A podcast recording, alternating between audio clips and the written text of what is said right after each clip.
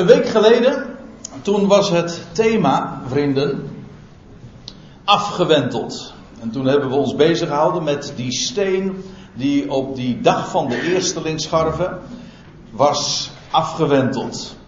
Het grote keerpunt in de geschiedenis. En we hebben daarbij stilgestaan, ook aan de hand van beelden uit het Oude Testament, een plaatsnaam die ook zo heet, Gilgal. En dat was, en dat spreekt van de grote omwenteling, want dat is eigenlijk wat het is. Een echte revolutie, een totaal nieuw begin. En ook daarbij is ook 1 Korinthe 15 ter sprake gekomen. Het monumentale hoofdstuk waarin de apostel Paulus als geen ander uiteenzet wat het betekent dat hij is opgewekt. Als eersteling. Uiteraard en daarom ook op de dag van de eerstelingsscharven. God had het allemaal al van tevoren zo beschreven en bepaald. Maar dat hoofdstuk is zo veelomvattend, want Paulus laat ook zien wat niet alleen maar het feit van de opstanding, het hoe, ook de rijkwijde van die levendmaking, ook daar kom ik straks nog over te spreken. Maar ook andere vragen die allemaal waren opgeworpen daar in die Ecclesia van Korinthe. En daar ging het ook over de, daar, daar ging het ook over de vraag: met wat voor lichaam worden we opgewekt? En de uitdrukking die u hier ziet in de titel, die is ontleend aan het vers waar ik het, wat ik straks zal projecteren. En het voelt een beetje aan, en dat is dan meteen de verklaring van het plaatje, dat we vanmorgen ons als een rups is in, gedachten gaan nemen wat het betekent om straks een vlinder te zijn. Uh, eigenlijk is het inderdaad een beetje in die sfeer dat je dat moet zien. Want echt een voorstelling ervan kunnen maken, dat lukt niet. Omdat domweg de, onze ervaringen niet toereikend zijn om het ons te kunnen indenken. Maar de beelden zijn voorhanden, niet alleen in de natuur, we zullen het zien, maar bovendien, de schrift laat ook door contrast zien, en we zullen dat straks ook uh, wat, wat nader bezien, door contrast zien wat dat lichaam van de opstanding, dat opgewekte lichaam, mooi woord eigenlijk als je dat, de dubbelzinnige betekenis van het Nederlands daarbij betrekt, dat opgewekte lichaam uh, beziet. En dat lichaam van de opstanding, wel, dat is het, uh, het, thema van vanmorgen. En ik begin dan te lezen in vers 35 van dat hoofdstuk. Maar, zal iemand zeggen, en dat woord maar is hier, zoals zo vaak ook, een woord van protest. Als iemand zegt, ja, maar, nou dan weet je, nou volgt een hele tegenwerping. En dat is ook het, het geval. Een, een, andere vertaling zegt ook, maar zal iemand protesteren. En inderdaad, de woorden die hier nu vervolgens klinken, de zinnen en de vragen die volgen, daarvan zou je kunnen zeggen van nou, dat zijn toch hele boeiende vragen. En dat, is, dat zijn het ook. Maar het waren hier maar geen, geen vragen informatief van aard. Nee, het zijn tegenwerpingen. Maar zal iemand dan zeggen, hoe worden de doden opgewekt? En met wat voor lichaam komen ze? Er waren er in de Ecclesia van Korinthe die de waarheid van de opstanding betwijfelden of zelfs ontkenden. Nou, Paulus laat toch wel heel mooi zien in dit hoofdstuk wat voor een volstrekte dwaasheid dat is. Dat is namelijk de hele essentie. Als Christus niet is opgewekt, dan is ons geloof ijdel. Dat wil zeggen leeg. Heeft het helemaal totaal geen enkele betekenis. Hij zegt en onze prediking is ook ijdel. En bovendien zegt hij, dan zijn wij bovendien leugenaars. Want wij hebben tegen God ingetuigd dat hij de Christus opgewekt heeft, die hij dan toch niet opgewekt heeft. Ik ben trouwens wel blij dat zulke dwaze dingen destijds in Korinthe verteld werden. Want het heeft ons wel in Korinthe 15 opgeleverd. Ja. Hoe worden de doden opgewekt en met wat voor lichaam komen zij? En dan zegt Paulus, Kijk, op zich, de vragen zijn buitengewoon boeiend. Hij gaat ze ook behandelen. Maar hij begint met te zeggen: als dit tegenwerpingen zijn, protest, dan ben je dwaas. En dat heeft er ook mee te maken. Je zou het voorgaande er even bij moeten betrekken, want als je dan, dit is vers 36, maar als je vers 34 leest, dan, zegt Paulus: sommigen hebben geen besef van God. En dan voegt hij eraan toe, tot uw beschaming moet ik u dat zeggen.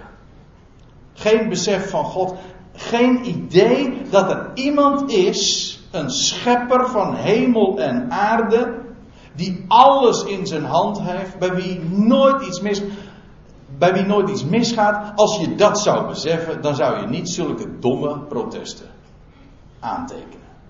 Want dat slaat nergens op. Heb je er ooit wel eens een keertje over nagedacht? Hoe jouw bestaan ooit begonnen is. Mijn broer Dirk heeft vorige week er al op gewezen. We komen allemaal uit een eitje. Hm?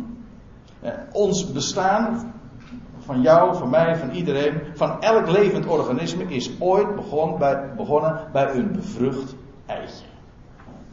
En waren het niet dat we, het dat we er zijn en dat we het gewoon meemaken, dat we dit zien, dan zou je zeggen: dit is Gods onmogelijk. Wat een contradictio in terminus is, realiseer ik niet. Want Gods onmogelijk bestaat natuurlijk niet. Want bij Hem zijn alle dingen mogelijk. Dat is juist wat Hem God maakt. Zou voor de Heer iets te wonderlijk zijn? Nou, maar dit is een wonder. Ik bedoel dat ons bestaan bij een, een niet eens voor het blote oog zichtbaar eitje, dat bevrucht is, allemaal begonnen is. En zie daar, wij zitten hier en we praten hier. Je zou zeggen, dit bestaat niet. Nee, maar het is er. En verklaar het maar eens een keertje. En hoe, maar wonderlijk is, hoe meer je ervan weet, hoe wonderlijker het wordt. Want als je er nou nauwelijks wat van weet, dan heb je geen, geen idee, geen benul van wat er allemaal bij komt kijken.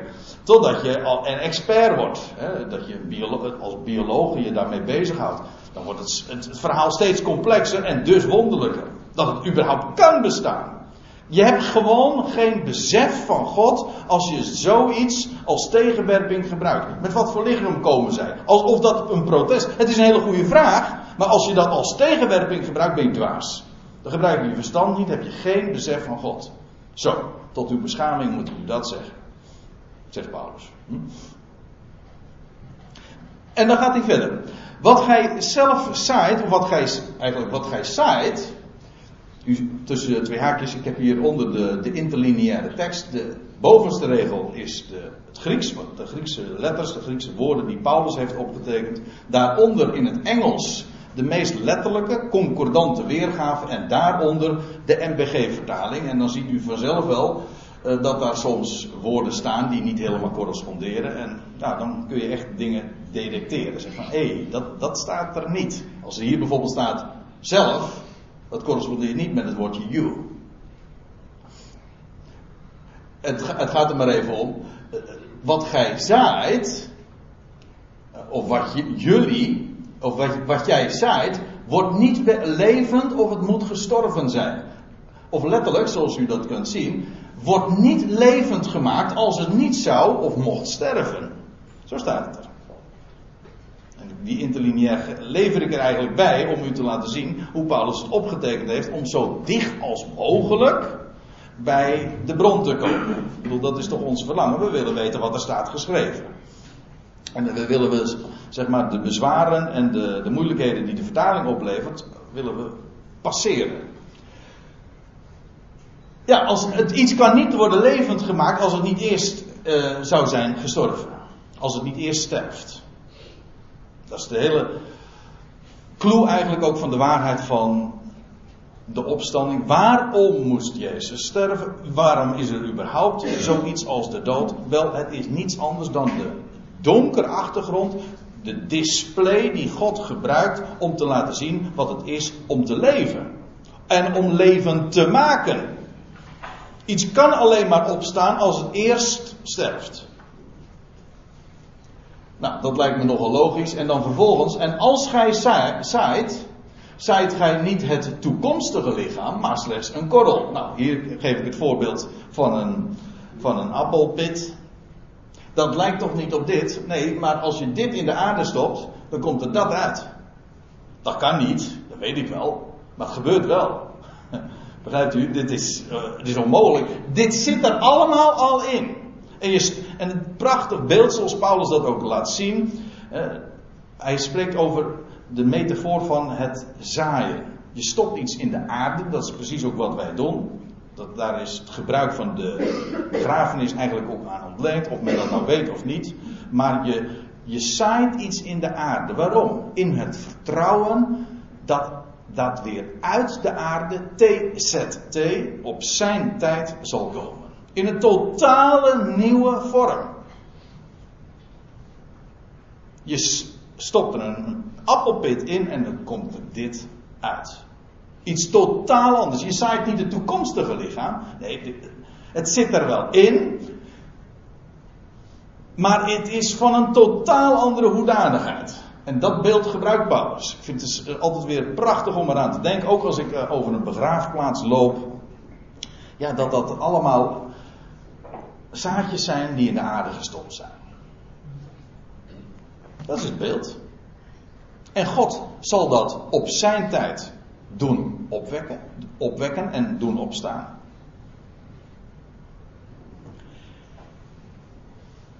Daarom vind ik die stenen, die, opgerichte, steen ook altijd zo mooi. Met met de naam erbij, maar een opgerichte steen is ook niks anders dan een embleem van opstanding. Kijk het in de Bijbel ook maar eens een keertje na, dat er een steen wordt opgericht. Ja, een opgerichte steen is iets, een steen die men laat opstaan. Dat is een beeld van opstanding en dan is het ook nog eens een keertje van steen. Nou ja, daar hadden we het de vorige keer al over. Goed, als gij zaait, zaait je niet het toekomstige lichaam, maar slechts een korrel. Bijvoorbeeld, en nou geeft Paulus zelf ook een beeld van koren of van iets anders. Het maakt namelijk niet uit welk beeld je daarvoor gebruikt. Je stopt dit in de grond, een korrel, maar vervolgens komt er een halm met een aar en et cetera, komt daaruit. Maar God geeft er een lichaam aan, gelijk hij dat gewild heeft, en wel aan elk zaad zijn eigen lichaam. Afhankelijk van het type zaad komt daar weer een ander organisme, een ander lichaam tevoorschijn. En God doet dat allemaal volgens plan. En dat wil zeggen ook via zijn eigen aard. Alle vlees, gaat Paulus verder, want ik, ja, ik ga soms wat snel door de tekst, maar dat doe ik omdat ik bij vers 45 wil uitkomen. Over niet al te lange tijd. Alle vlees, schrijft Paulus, alle vlees is niet hetzelfde, maar dat van mensen is anders dan van beesten. Nou, dat lijkt me een open deur, dat is volstrekt helder. Maar waarom Paulus dit zegt, is aan elk, aan elk lichaam is iets eigens. Mensen zijn nu eenmaal anders dan beesten, met alle onderscheidingen die je daar vervolgens ook weer in kunt maken. En vervolgens zegt Paulus, en het vlees van vogels is weer anders dan dat van vissen. Er is zo'n enorme rijk geschakeerdheid. En Paulus, en nou loop ik even vooruit op wat hij gaat zeggen, zo is het in de opstanding ook. De rijk pardon, de die we kennen in de natuur is een, is een beeld van de rijkgeschakeerdheid die straks het nieuwe leven in de nieuwe schepping gekend zal worden. Vers 40, er zijn hemelse en aardse lichamen. Nou, over die aardse lichamen had hij het al in de plantenwereld, in de dierenwereld, in de mensenwereld. Het zijn allemaal aardse lichamen.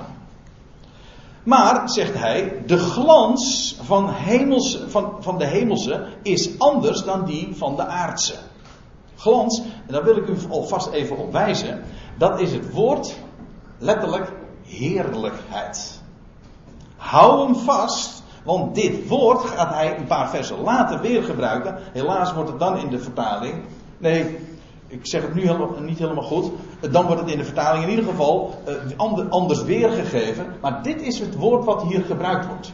Maar de heerlijkheid, en dat is hier inderdaad de glans, de schittering, het, het licht. Maar de glans van de hemelse is anders die van de aardse. Kijk, tot dusver had Paulus gesproken over allemaal aardse lichamen. In de plantenwereld, in de dierenwereld, in de mensenwereld. Er is zo een enorme rijk geschakeerdheid en variatie. Maar dat geldt als we omhoog kijken al niet anders. Er zijn ook hemellichamen. Zo spreken we daar trouwens ook over. De glans, en hier weer hetzelfde woord. De heerlijkheid. De heerlijkheid van de zon is anders dan die van de maan. Het licht dat het een geeft is weer van een heel andere soort, ook van een heel andere sterkte, van een ander formaat dan dat eh, van de ander. En waarbij trouwens de heerlijkheid van de maan ook nog weer heel verschillend is. Trouwens van de zon ook hoor. Ik bedoel, het maakt heel veel verschil of je de zon in haar kracht ziet in de zomer om 12 uur. Of dat je de zwakke zon ziet als die ondergaat in de winter. Dat is allemaal verschil van heerlijkheid, zoals wij die dan waarnemen. En dat geldt voor de maan natuurlijk ook. Die ook gedurende een, een maandelijkse cyclus ook zo uh, enorm wijzigt. En warst en weer afneemt, et cetera. De glans van de zon is anders dan die van de maan. En ja, van de sterren eveneens, want de ene ster verschilt van de andere in glans. Ook hier weer, ik wijs er expres nog even op, want de glans is het woord heerlijkheid. En het gaat hier inderdaad over de lichtglans. De heerlijkheid van die verschillende sterren. Dwaalsterren, neem planeten voor het gemak er even bij. Dat zijn ook inderdaad dwaalsterren. Maar het licht van Venus of van Jupiter is eh, van een heel andere aard dan bijvoorbeeld van uh, een Sirius of Orion. Nou, noem ze allemaal maar op. Of van sterrenbeelden. De glans, de heerlijkheid is telkens weer verschillend. En men spreekt ook, uh, sterrenkundigen spreken ook over de. Die geven dat ook uh, allemaal namen en zelfs cijfers. Hè? Hoe de de mate van heerlijkheid is, van lichtglans, van de een en de andere ster. Nou, en nou komt Paulus dus, uh, aan, aan zijn onderwerp toe, want wat hij tot dusver naar voren had gebracht, dat is beeld. Zoals we dat zien op aarde, met aardse lichamen en met hemellichamen. Er is zoveel variatie. En dan zegt Paulus, zo is het ook met de opstanding van de doden. Tot dusver had hij dus gesproken over beelden in de natuur. Hier op aarde dan wel in de hemel. Maar nou gaat hij ter zake komen. Dat wil zeggen, komt hij terug op dat oorspronkelijke protest. Of de vraag zo u wilt. Zo is het ook met de opstanding van de doden. Daar is ook zoveel variatie. Maar nou gaat hij nog iets anders ter sprake brengen. En hij noemt een viertal contrasten. En daar wil ik u in het bijzondere vanmorgen eens bij bepalen. Een schitterend onderwerp. Ik heb me juist de laatste dagen daar nog weer eens een keertje mee bezig gehouden. En ik vind het zo indrukwekkend. Er wordt gezaaid, zegt hij, in vergankelijkheid. Dat is het eerste contrast wat hij nu ter sprake gaat brengen. Er wordt gezaaid in vergankelijkheid. En dat woord vergankelijkheid, ja, dat is in het Grieks, ja, in de concordant version wordt het weergegeven met corruption. Dat, dat wat vergaat, dat is wat, wat vergankelijkheid immers is. Deze hele schepping is trouwens aan de vergankelijkheid, aan het bederf onderhevig. Alles. Alles vergaat. We zingen dat ook in een lied. Alles, hoe schoon ook, zal eenmaal vergaan. Dat is het lot van alles in deze schepping. Het vergaat. En, zo'n grafsteen is eigenlijk ook een embleem. Een mens wordt geboren op een bepaald moment, op een bepaalde datum. En je weet, er komt aan dat leven een keer een eind. Het begint allemaal prachtig en vitaal en groeiend. En vervolgens zie je dat allemaal weer afnemen en gaat het kaarsje uit. Langzaam of snel, dat maakt me niet uit. Maar het vergaat. En feitelijk moet ik erbij zeggen, dat dit bestaan vergankelijk is, ophoudt, is een evangelie hoor. Je zou er toch niet aan moeten denken dat je in deze hoedanigheid, waarin we ons nu bevinden, dat dat altijd blijvend zou zijn. Definitief. Dat daar nooit een einde aan zou komen. Ik heb mensen ook wel eens een keer over gehoord zeggen van nou dat eeuwige leven, dat moet er niet aan denken dat het allemaal zo als zou moeten blijven.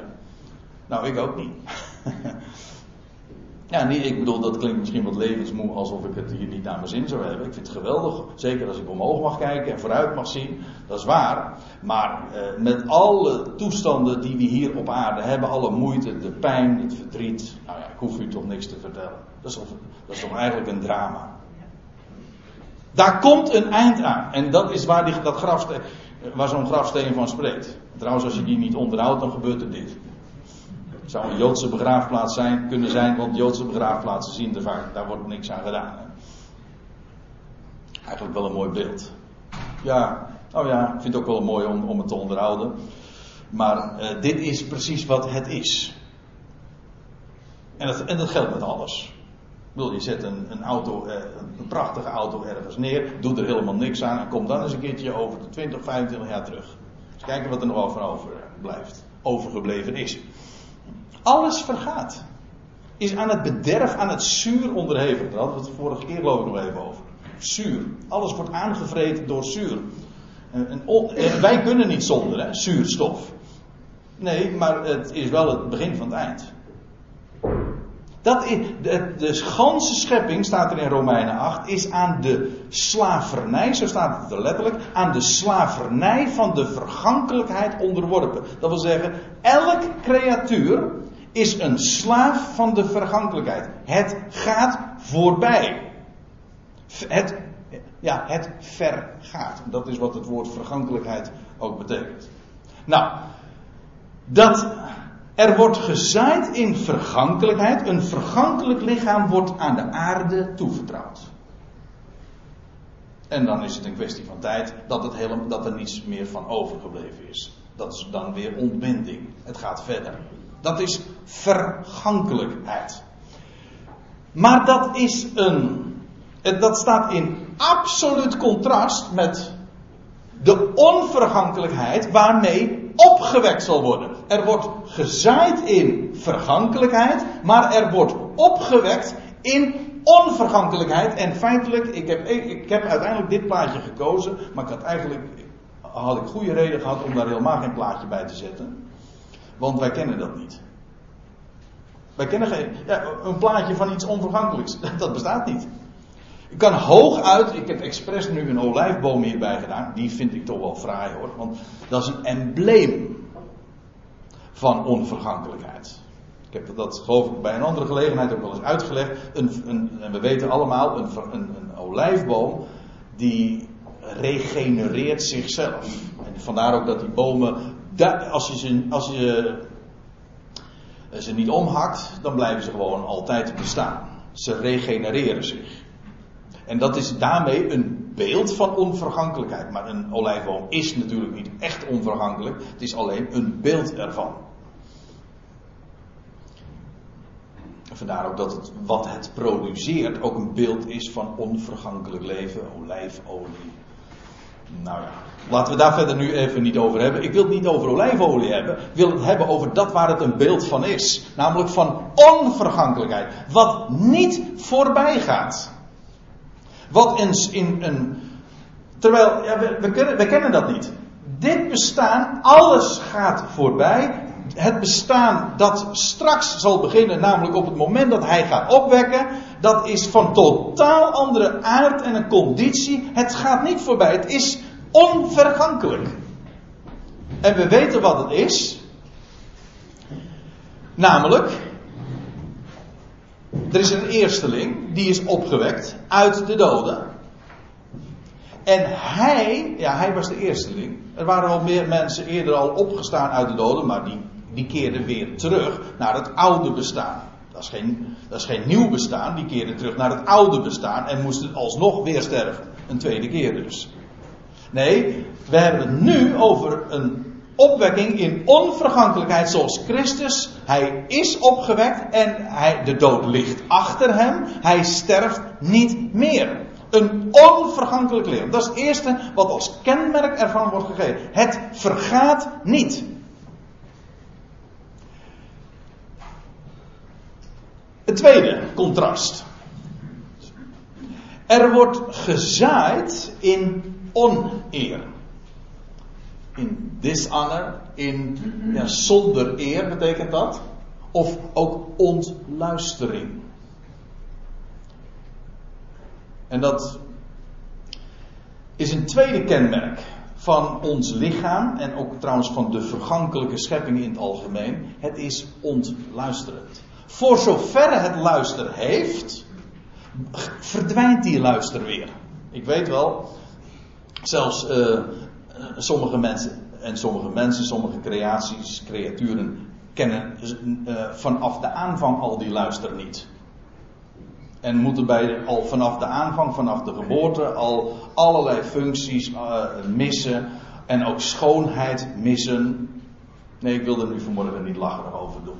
Het is, ja, we kunnen er wel lacherig over doen. Maar kijk, waar het om, om gaat, is dat Paulus zegt: dit bestaan, dit lichaam is in oneer. Ontluisterend. En dat kun je op twee manieren opvatten.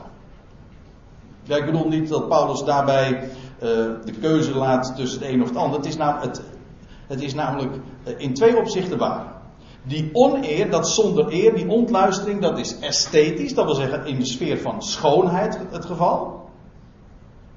En functioneel. Ik zal dat uh, duidelijk maken wat ik daarmee bedoel. Kijk, voor zover, in het algemeen is het zo dat nieuw leven dat is nog prachtig. Ook nogmaals, niet altijd, niet per definitie. Hè, maar een, een, een, lammetje dat, uh, dat huppelt in de wei, dat, dat is prachtig. Dat is, spreekt van vitaliteit. En, en daarentegen, als zo'n schaap eenmaal oud is geworden, nou, dan is de luister, gaat er steeds meer van af. Dat is, esthetisch. Dat hoeft, nogmaals, het kan al vanaf de aanvang allerlei gebreken vertonen. Nou, ik, ik zal u een paar voorbeelden geven, dan wordt het natuurlijk toch nog weer wat lacherig. Hè. Uh, in je schoonheid raak je kwijt. Nogmaals, voor zover je die schoonheid al hebt, want nu, nu eenmaal niet iedereen is zo knap. Ja, nee, nou denkt u natuurlijk dat ik ga zeggen als ik, maar dat wou ik niet zeggen. Niet, niet iedereen is knap. En als je knap ter wereld bent gekomen, dan heb je daar in deze wereld heel veel profijt van. Het is zo. Er zijn onderzoekingen naar gedaan, trouwens, we weten het allemaal uit eigen ervaring. Als, als je inderdaad knap bent, dan heb je alleen al om, om, om, om reden van die knapheid, die schoonheid, die je ook maar gekregen hebt, heb je heel veel voor, voorsprong al. Dat begint al in de klas. Eh, met het keuze van vriendjes of vriendinnetjes. En zelfs in je carrière heb je daar allemaal profijt van. Maar goed, laten we even vanuit gaan dat je die schoonheid in aanvang hebt. Maar je raakt het hoe dan ook kwijt. Nou, ik geef een paar. Ik geven zomaar een paar voorbeelden. Je raakt je haar kwijt. Als, nu heb ik het even over uh, de mannen onder elkaar. Als mannen onder ons. Hè. Nee, Kees, ik, ik wil helemaal geen naam. Je, je kijkt nou zo gefrustreerd. Ja, maar je keek me wel aan. Ja, maar ik had, ik had vele andere mannen hier kunnen aankijken. Ja. Nou, dan, je kan een prachtig haardos hebben en je raakt het kwijt. Uh, wat dacht u? Je raakt nog veel meer dingen kwijt, ook voor luisteren. Een mooi, je hebt hem misschien in aanvang een prachtig gebit. En daar kunnen we vandaag natuurlijk heel veel aan doen met alle tandtechniek en de tandartsen die er uh, beschikbaar zijn. Het is geweldig trouwens hoor, wat men daar allemaal voor heeft bedacht. Maar het is behelpen en het kan ook een vermogen kosten, is het niet, Therese? ja, ik heb Therese van de week er nog over gehoord, over, de, over een hele sessie die ze daar bij de tandarts ondergaat. Maar dat een vermogen kost. Ja, en dat geldt natuurlijk voor allerlei schoonheidsingrepen. De botox, ik hoef, ik alleen dat woord maar te horen en dan weten we al genoeg. Maar als je het allemaal gewoon uh, zijn natuurlijke gang zou laten, laten gaan, dan krijg je dit. Na verloop van jaar heb je nauwelijks nog tanden in je mond. Nou, daarmee raakt een mens echt toch, echt wat glorie kwijt hoor. Dus zijn eer, zijn, zijn, zijn luister raakt hij daarmee kwijt. En, um, nou ja, ik had het net over botox. Als, uh, als je heel oud wordt, zoals dit vrouwtje geworden is, kennelijk, eh, dan word je rimpelig. Het is niet meer dat persikhuidje wat het ooit was, toen het nog een klein kind of een baby was. Nee, het, wordt, het raakt in verval. Ja, verval. En dan zeggen we, ik ken natuurlijk ook uh, wellicht de uitdrukking dat alles gaat zakken en verzakken, en afzakken en vervallen. Behalve het tandvlees, eh, dat was het geloof ik. Hè? Hm? Dat trekt weer op, ja. Ja, maar ook dat is verval. ja, dat is, maar dat is, dat is uh, de oneer. Er wordt gezaaid in oneer. Dat wil zeggen, het is een on, voor zover het begonnen is in luister, wat al niet eens een vanzelfsprekendheid is, is het in elk geval in de loop der jaren tot aan het moment van sterven zelf, dat wil zeggen van doodgaan, is het een proces van ontluistering. Het is dus niet alleen maar zo, er komt een keer een eind aan en al die tijd is het wel geweldig geweest. Nee, het is een ontluisterend proces. Wat je er ook allemaal aan doet en wat je ook er allemaal uit de kast trekt. Dat is in esthetisch opzicht zo, maar dat geldt ook functioneel. Je raakt allerlei functies kwijt. Ja. Je moet op een gegeven ogenblik aan een bril. Ja, sommigen al heel erg jong. Maar dat maakt niet uit. Dat, dat zijn dan weer hulpmiddelen die we in het leven hebben geroepen. Maar, ehm, of je raakt je gehoor kwijt. Of je moet je gaan behelpen met een, een wandelstok om je nog staande te houden. En zojuist hadden we het nog even over. Hè. Kobi, je vader die niet meer zelf kan staan vanwege zijn leeftijd. Dat zijn allemaal hulpmiddelen. En dit zijn nog betrekkelijk onschuldige dingen. Waar van allerlei functies die in de loop der tijd uh, minder worden of zelfs kwijtraakt. En dan, laat ik, dan heb ik nog eventjes buiten beschouwing gelaten het geheugen. Maar dat is ook een beetje moeilijk uit te beelden. Of je verstand. Dat, wordt, dat kan zomaar minder worden. Nou ja, ik, ik, ik noem zomaar van die dingen. Maar die zou concreet zijn. Als Paulus zegt van, ja, dit is een vergankelijk bestaan. Ja, dat, is, dat zal je gedacht zijn. Dat, dat kun je wel zeggen. Het is ook, in, er wordt gezaaid in oneer. Zonder heerlijkheid. En voor zover het al heerlijkheid heeft, raak je die kwijt. Esthetisch, functioneel, de eer gaat verloren. En de ene is daar meer het slachtoffer zeg maar, van dan het ander, dan de ander. Maar aan het proces zelf is geen ontkomen aan. Nou, zegt Paulus, er wordt gezaaid in oneer. Maar ik zal je wat vertellen. Er wordt opgewekt in heerlijkheid.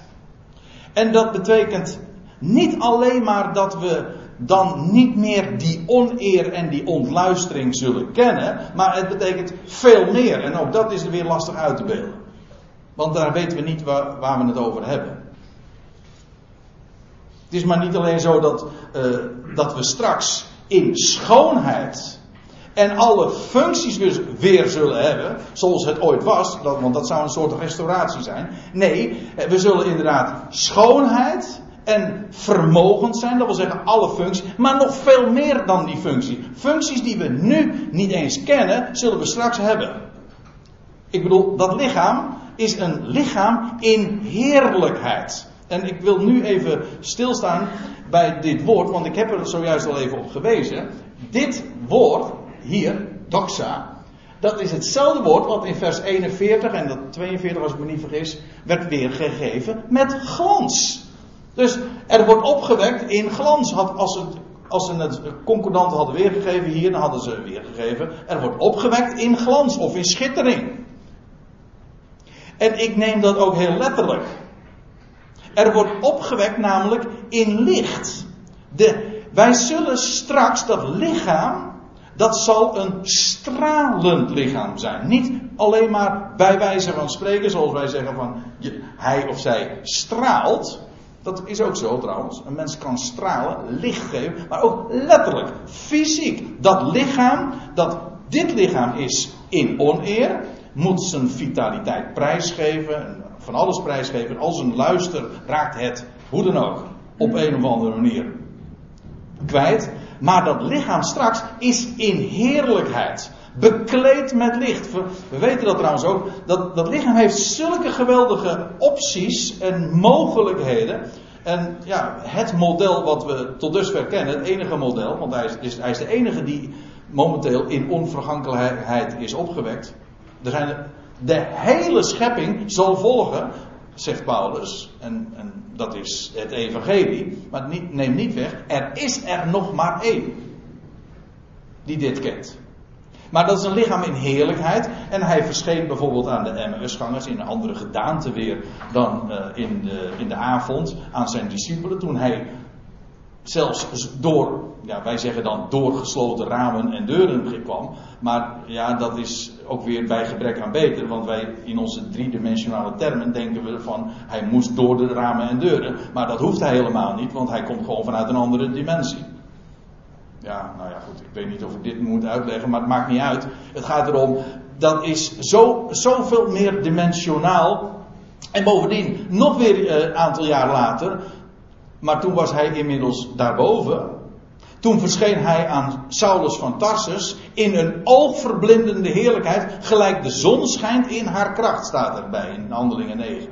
Dat wil zeggen, hij gaf licht, zelfs zodanig dat Paulus, toen nog Saulus, drie dagen lang blind is geweest vanwege de schittering van licht. Dus het lichaam had, heeft ook de mogelijkheden, zeg maar, om dat weer te, te dimmen, of ik weet niet hoe ik het moet zeggen, of in ieder geval te, te beperken. Het kan zich aan allerlei omstandigheden ook weer aanpassen.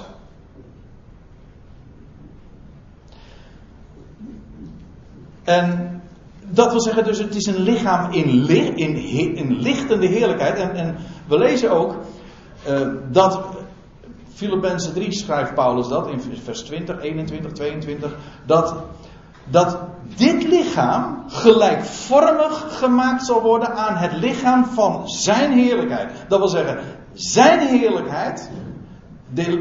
En de heerlijkheid die dat lichaam heeft, dat is de heerlijkheid die jou, mijn ons lichaam en van wie dan ook eens zal hebben. Ieder in zijn eigen rangorde, dat weet ik, maar niettemin, dat is wat, wat, er, eh, wat er staat te gebeuren. In heerlijkheid. Ik denk trouwens ook dat ooit uh, Adam en Eva dit ook hebben gekend.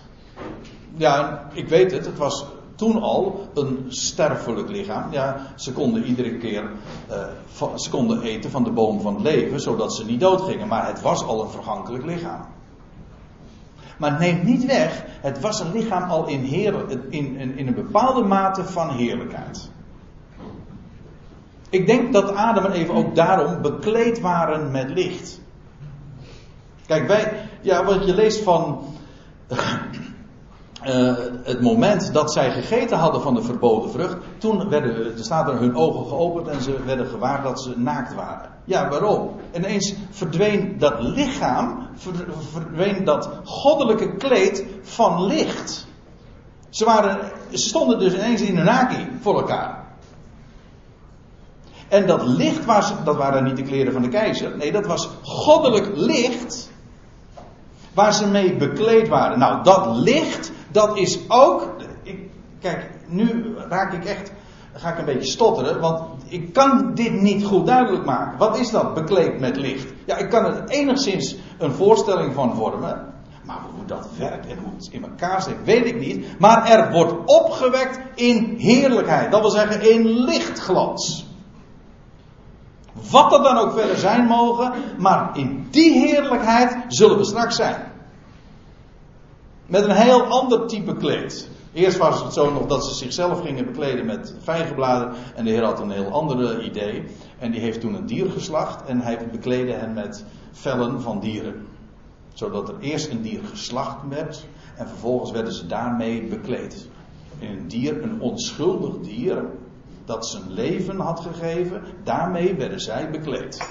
Dat was een prachtig beeld. Ja, maar voor dit vergankelijke bestaan. Straks opgewekt in heerlijkheid. Dus dat is niet alleen maar. In heerlijkheid betekent niet alleen maar uh, zonder de oneer die wij thans kennen. Nee, het betekent met zoveel meer heerlijkheid die we hier ooit gekend hebben. In esthetisch of in functioneel opzicht in alle opzichten. Paulus noemt nog iets. Het derde contrast. Er wordt gezaaid in zwakheid. Het woord wat hier trouwens gebruikt wordt, wordt elders vertaald met ziekte. Er wordt gezaaid in. En dat, maar eigenlijk is dat ook eh, min of meer synoniem, want zwakte is niks anders dan gebrek aan energie. aan potentie, aan vermogen. Ik heb een boek in de kast staan, ja, ik, heb, er wel meer. Dat heeft, heeft als titel, is geschreven door Roy Martina. Een, nogal een chakra-arts, maar in ieder geval, dat heeft als titel Vitaliteit. En die zegt, en, en hij kan het weten, want het is een zeer een zeer academisch gevormde arts ook. Maar die zegt: ziekte is niks anders dan gebrek aan energie. Je lichaam is niet in staat, heeft mist de kracht, de, de, verklaringen die hij ervoor geeft, daar gaat het nu verder niet om. maar het lichaam heeft mist de kracht om iets te herstellen. Maar het lichaam heeft ook afnemende kracht. Ik, en nou weet ik wel, er zijn, er zijn allerlei eh, processen waardoor je dat nog weer versnelt.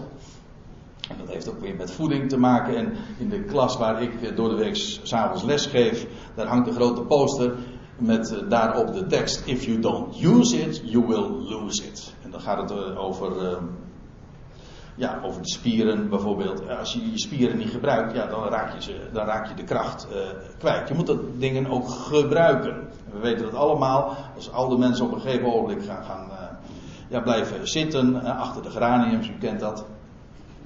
Ja, dan raken ze ook, dan versnelt dat het proces van ouder worden alleen maar. Je moet ook in beweging blijven. Maar even naar deze tekst. Er wordt gezaaid in zwakheid. Dit lichaam is zwak, ziekelijk. En we vinden het natuurlijk allemaal prachtig. Uh, dat zeggen uh, heel vaak tegen elkaar van ja, als, als, je maar gezond bent, hè. Ja, maar er zijn velen die niet gezond zijn. En wat dan met hen? En uh, oud worden, dat is toch wel geweldig als je dat mag beleven. Nou, ik bezoek de laatste tijd nog wel eens een keertje oudere mensen. En juist van de week heb ik het nog meerdere keren weer gehoord. Dat ze zeggen van nou, oud worden, ja ja, dat is prachtig. Maar oud zijn, nou, het is soms echt, nou, op zijn minst erg zwaar. En nogmaals, zeker als je gezond van lijf en leden bent en uh, je hebt die leeftijd nog niet bereikt, dan kun je er nog lacherig over doen. En blijf vooral ook lachen hoor. Vooral met dit perspectief voor ogen kun je echt, dan kun je echt de gein erin houden. Met recht hoor, de gein. Genade is dat hè. Ja, even terzijde. Maar uh, het woord gein, dat komt van het Hebreeuwse woord genade. Dan kun je echt inderdaad de humor er ook van inzien. Want dit is, ach, dit is maar een, een, een versie die, eh, die weer voorbij gaat. Gelukkig, wees daarmee blij. En de onvergankelijke wacht. En dat is toch, dat is toch even van een totaal andere orde. Maar er wordt gezaaid in zwakheid. En dat is. Uh, en die zwakheid waaraan dit lichaam onderhevig is, is zwaar. En zeker als je eenmaal oud geworden bent, dan ga je met die beperkingen letterlijk aan den lijven ondervinden. Maar zegt Paulus, er wordt weliswaar gezaaid in zwakheid, de afnemende krachten. Dat is wat ouderdom eigenlijk ook is. De krachten nemen af. En daardoor de kwalen nemen toe, de ziektes, etc. Maar, zegt Paulus, en daar praat ik veel liever over, maar je kijkt even terzijde. Dat Paulus deze, deze contrasten tekent, dat is juist om iets duidelijk te maken. Je kunt juist ook dingen alleen maar begrijpen, en zeker beseffen, door de contrastwerking. We zouden geen idee hebben van onvergankelijkheid, wat dat, wat dat betekent, als we ook niet zouden hebben leren verstaan wat het is om vergankelijk te zijn. Eigenlijk deze hele schepping, deze oude schepping, heeft alleen maar een een, ja, een decor of een, een displayfunctie. Namelijk om dat, de definitieve versie, de glorie daarvan te laten uitkomen. Anders zouden we er geen idee van hebben.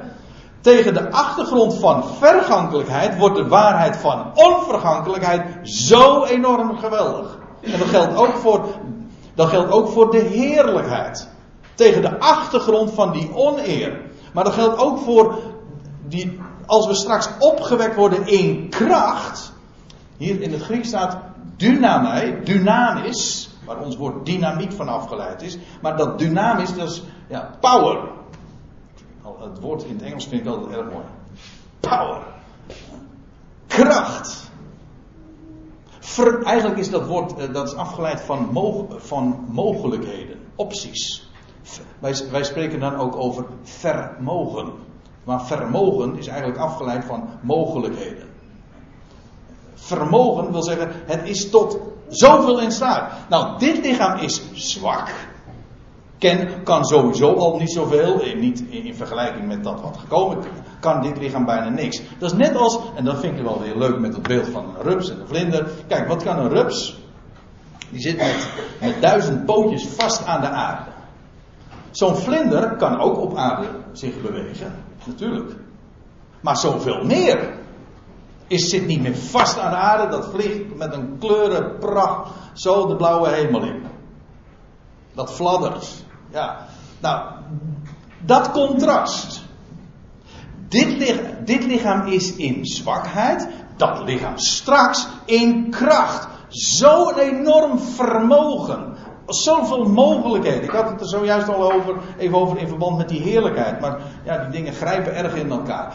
Het is een vermogend lichaam. Een, niet alleen met energie, dat niet alleen maar niet afneemt. Nou, ik weet niet of je uh, kan spreken van toenemende mate nog. Dat zou ook nog kunnen, dat weet ik niet. Maar ja, als je al to de max, zeg maar, uh, gevuld wordt met vermogen, wat kan er dan nog meer? Dat is het lichaam straks. In kracht, in dynamisch, met vermogen, met zo enorm veel mogelijkheden. Wel, dat is wat, waar Paulus het over heeft. En juist die kracht, die wordt zichtbaar.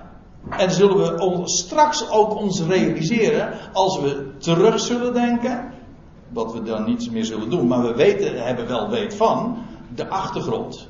Namelijk de zwakheid die we hier zo aan de lijve hebben ondervonden. En hoe meer we die trouwens hebben ondervonden, hoe meer de waardering straks ook zal zijn. Dat lijkt, lijkt me ook nogal wie dus.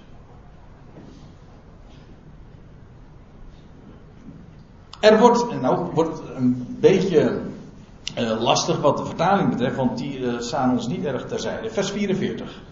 Er wordt een natuurlijk lichaam gezaaid. Nou, ja, dat zegt de vertaling, maar dat staat er niet hoor. Er wordt een psychisch, of uh, zo u wilt, een zielslichaam gezaaid. Niet een natuurlijk, dat hebben de vertalers ervan gemaakt. Er wordt een zielslichaam gezaaid. Dit lichaam wordt, is ziels. En waaruit bestaat nou dat zielse? Dat, ja, ik had het ook nog anders kunnen vervoegen. En dan spreken we niet over ziels, maar over zielig. En die vind ik ook wel erg leuk.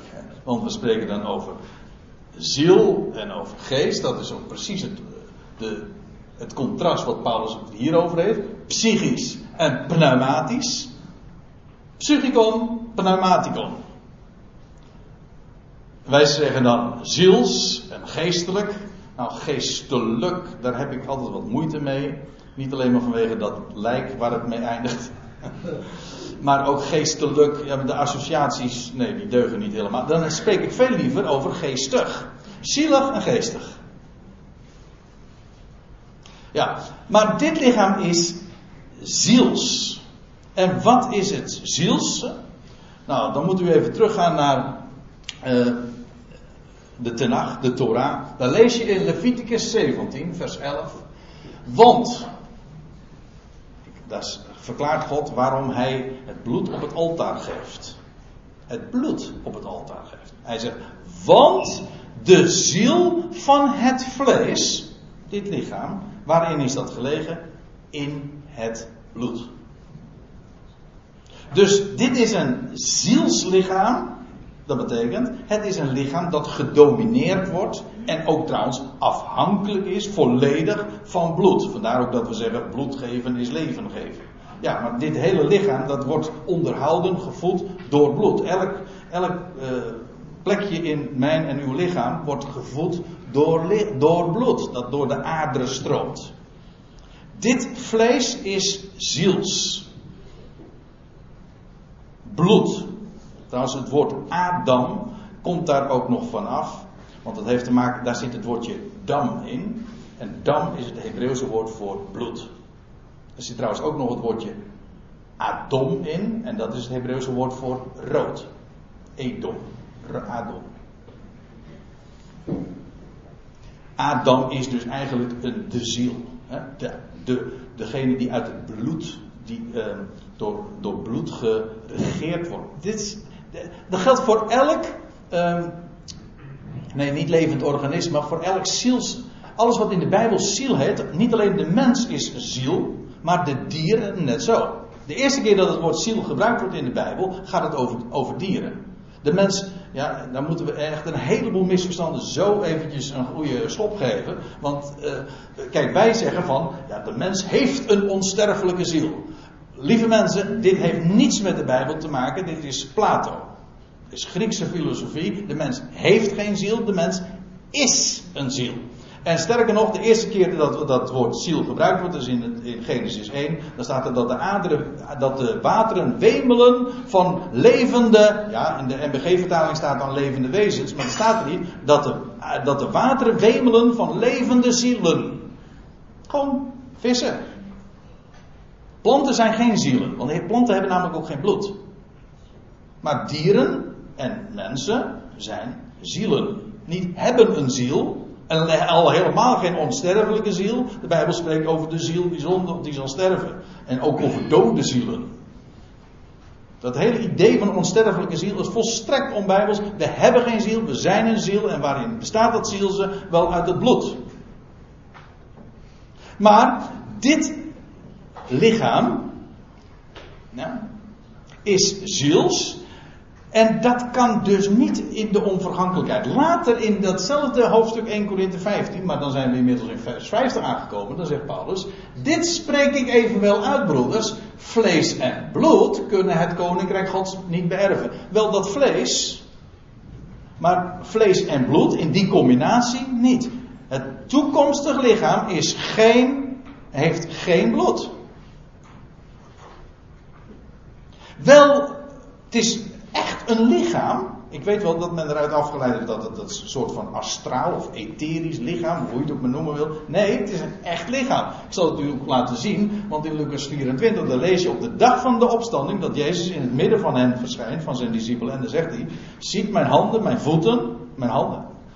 Met, die, die, waren trouwens niet meer verwond hoor. Dat, je leest niet dat het wonden waren, het waren tekenen. Die herinnerden aan. Geen wonden. Uiteraard niet. Het is een opstandingslichaam. In heerlijkheid, in kracht. Hoezo wonden? Nee, maar ziet mijn handen en mijn voeten dat ik het zelf ben, betast mij. Oh, dus echt aan te raken, betast mij. En ziet dat een geest, want daar dachten ze mee van doen te hebben, geen vlees en beenderen heeft, zoals gij ziet dat ik heb. Dus dat toekomstige lichaam is dus echt een lichaam, vlees, beenderen, absoluut. Maar niet vlees en bloed. Want dat kan het koninkrijk gods niet berven. Dat is niet voor de onvergankelijkheid. Dit, en dan gaan we weer even terug. Er wordt een zielslichaam gezaaid, dat waar bloed door de aderen stroomt. Er wordt een geestelijk, een pneumatisch lichaam opgericht, opgewekt. En hoe ik het me moet voorstellen, ja, sorry, dat, dat weet ik niet.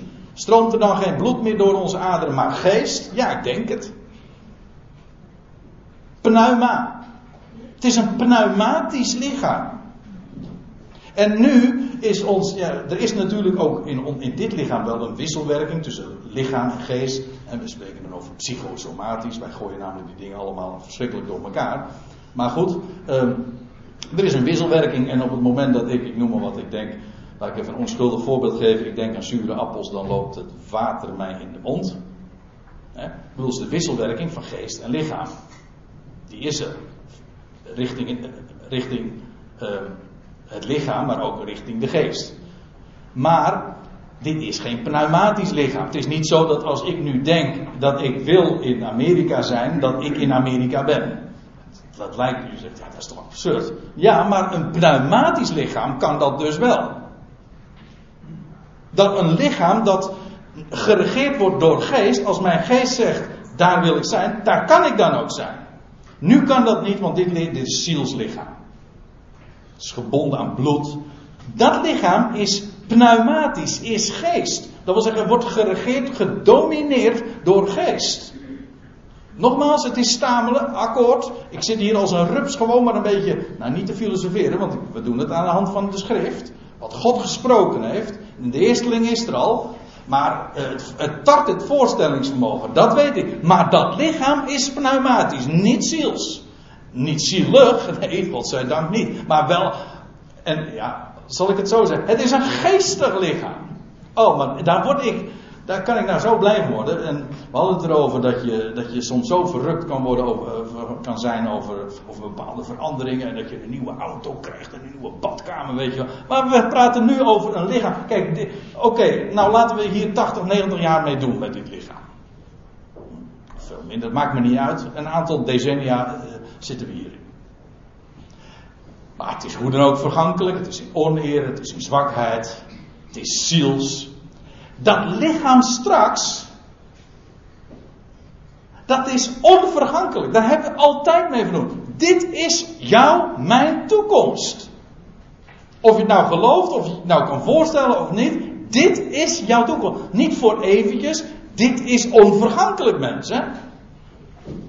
Het is geweldig om hier aan te denken. Dat, dit ze zeggen, hoop doet leven. Nou, dat kun je wel zeggen. Dit doet mij nu al, ik bedoel, het is toekomst, maar dat ik die hoop nu mag hebben, dat doet mij nu leven. Er wordt een, een pneumatisch lichaam opgewekt. En zegt Paulus, is er een zielslichaam, dan bestaat er ook een geestelijk lichaam. Dat wil zeggen, zoals zeker als het ene er is, zo zeker komt ook het andere. Al dus, en nou ben ik bij het laatste vers waar ik nog even bij stil wil staan, want ik zie dat de tijd voortschrijdt. Dat hebben we hier ook nog eens een keertje natuurlijk, hè, dat klokje. Vier, uh, juist vorige week had ik daarover uh, op internet nog even een, uh, een, discussie. Dat ging over het verjaren. Worden daar ook nog in, de, in de opstanding verjaardagen gevierd? Nou, dat kun je wel vergeten. Dat is geen begin aan. maar dat niet alleen, maar bovendien wat verjaart, zegt de Hebreeën. Wat verjaart is nabij de verdwijning. Hebreeën 8, vers 13. Ja. Nee, het verjaart niet. Verjaren betekent juist dat het voorbij gaat. Maar we verjaren niet, kom nou. Uh, maar goed, uh, die, die tijd waar we hier zo aan onderhevig zijn, uh, kennen we ook niet. Maar nu zegt Paulus, al dus staat er ook geschreven, en hij verwijst nu naar Genesis 2, vers 7, over, naar Adam. De eerste mens, Adam, over zijn naam had ik het zojuist al even, werd een, daar staat inderdaad, alzo werd de mens, werd de mens, niet kreeg de mens, werd de mens een levende ziel. En dat was hij nog op het moment dat hij gecreëerd werd uit stof van de aardbodem. Vervolgens, toen hij gegeten had van de verboden vrucht, werd hij een stervende ziel. Dit bestaan in 1 Korinthe 15 noemen wij leven. In 1 Korinthe 15 noemt Paulus het geen leven, maar noemt hij het sterven. Dit is geen leven, dit is sterven. Wij zijn namelijk bezig dood te gaan. Ja, wij spreken altijd maar van leven, natuurlijk. Maar op het moment dat je gaat hebben over het echte leven, dan noemen we dit geen leven meer natuurlijk. Niet om de dingen wel even uit elkaar te houden. Bovendien, dit is ook strikt genomen geen leven. We zijn toch bezig dood te gaan. Het is, dit, leven, dit, dit bestaan is toch niet anders dan een, een gestadige dood, om met de woorden van het doopsformulier te spreken. Ja, ja, ik ben aardig op de nog hoor, van die kerkelijke formulieren, maar zo staat het er. Een gestadige dood. We zijn bezig dood te gaan. Maar de mens was ooit een levende ziel, werd vervolgens een stervende ziel. Maar de laatste Adam, dit was de eerste Adam. Al die miljarden mensen, al zijn nakomelingen, zijn naar zijn model gemaakt en zijn van hetzelfde sop overgoten. Ziels. In, in vergankelijkheid. In oneer, in zwakheid en bovendien ziels. Zielig. En in alle betekenissen die dat nog met zich meebrengt. Maar de laatste Adam wordt, uh, is een levend makende geest. Niet geen levende ziel, maar een levend makende geest bovendien. Dus hij is niet alleen maar levend, hij maakt ook levend. In hem wordt worden alle mensen levend gemaakt. En ik zeg het expres zo, want waarom wordt hij nou Adam genoemd? Nou, is heel simpel. Hij wordt Adam genoemd omdat hij heel de mensheid insluit. Zoals Adam heel de mensheid insluit, zo de, hij, Christus, heet ook Adam omdat hij net zo goed heel de mensheid insluit. Daarom heet hij Adam en waarom heet hij de laatste Adam? Omdat hij de definitieve versie is. Er wordt wel eens gezegd de tweede Adam, dat is geen Bijbelse uitdrukking. Want dat zou kunnen suggereren van, ja, dat er ook nog een derde volgt. Nee, hij is de definitieve. Hij is niet de tweede, hij is de laatste.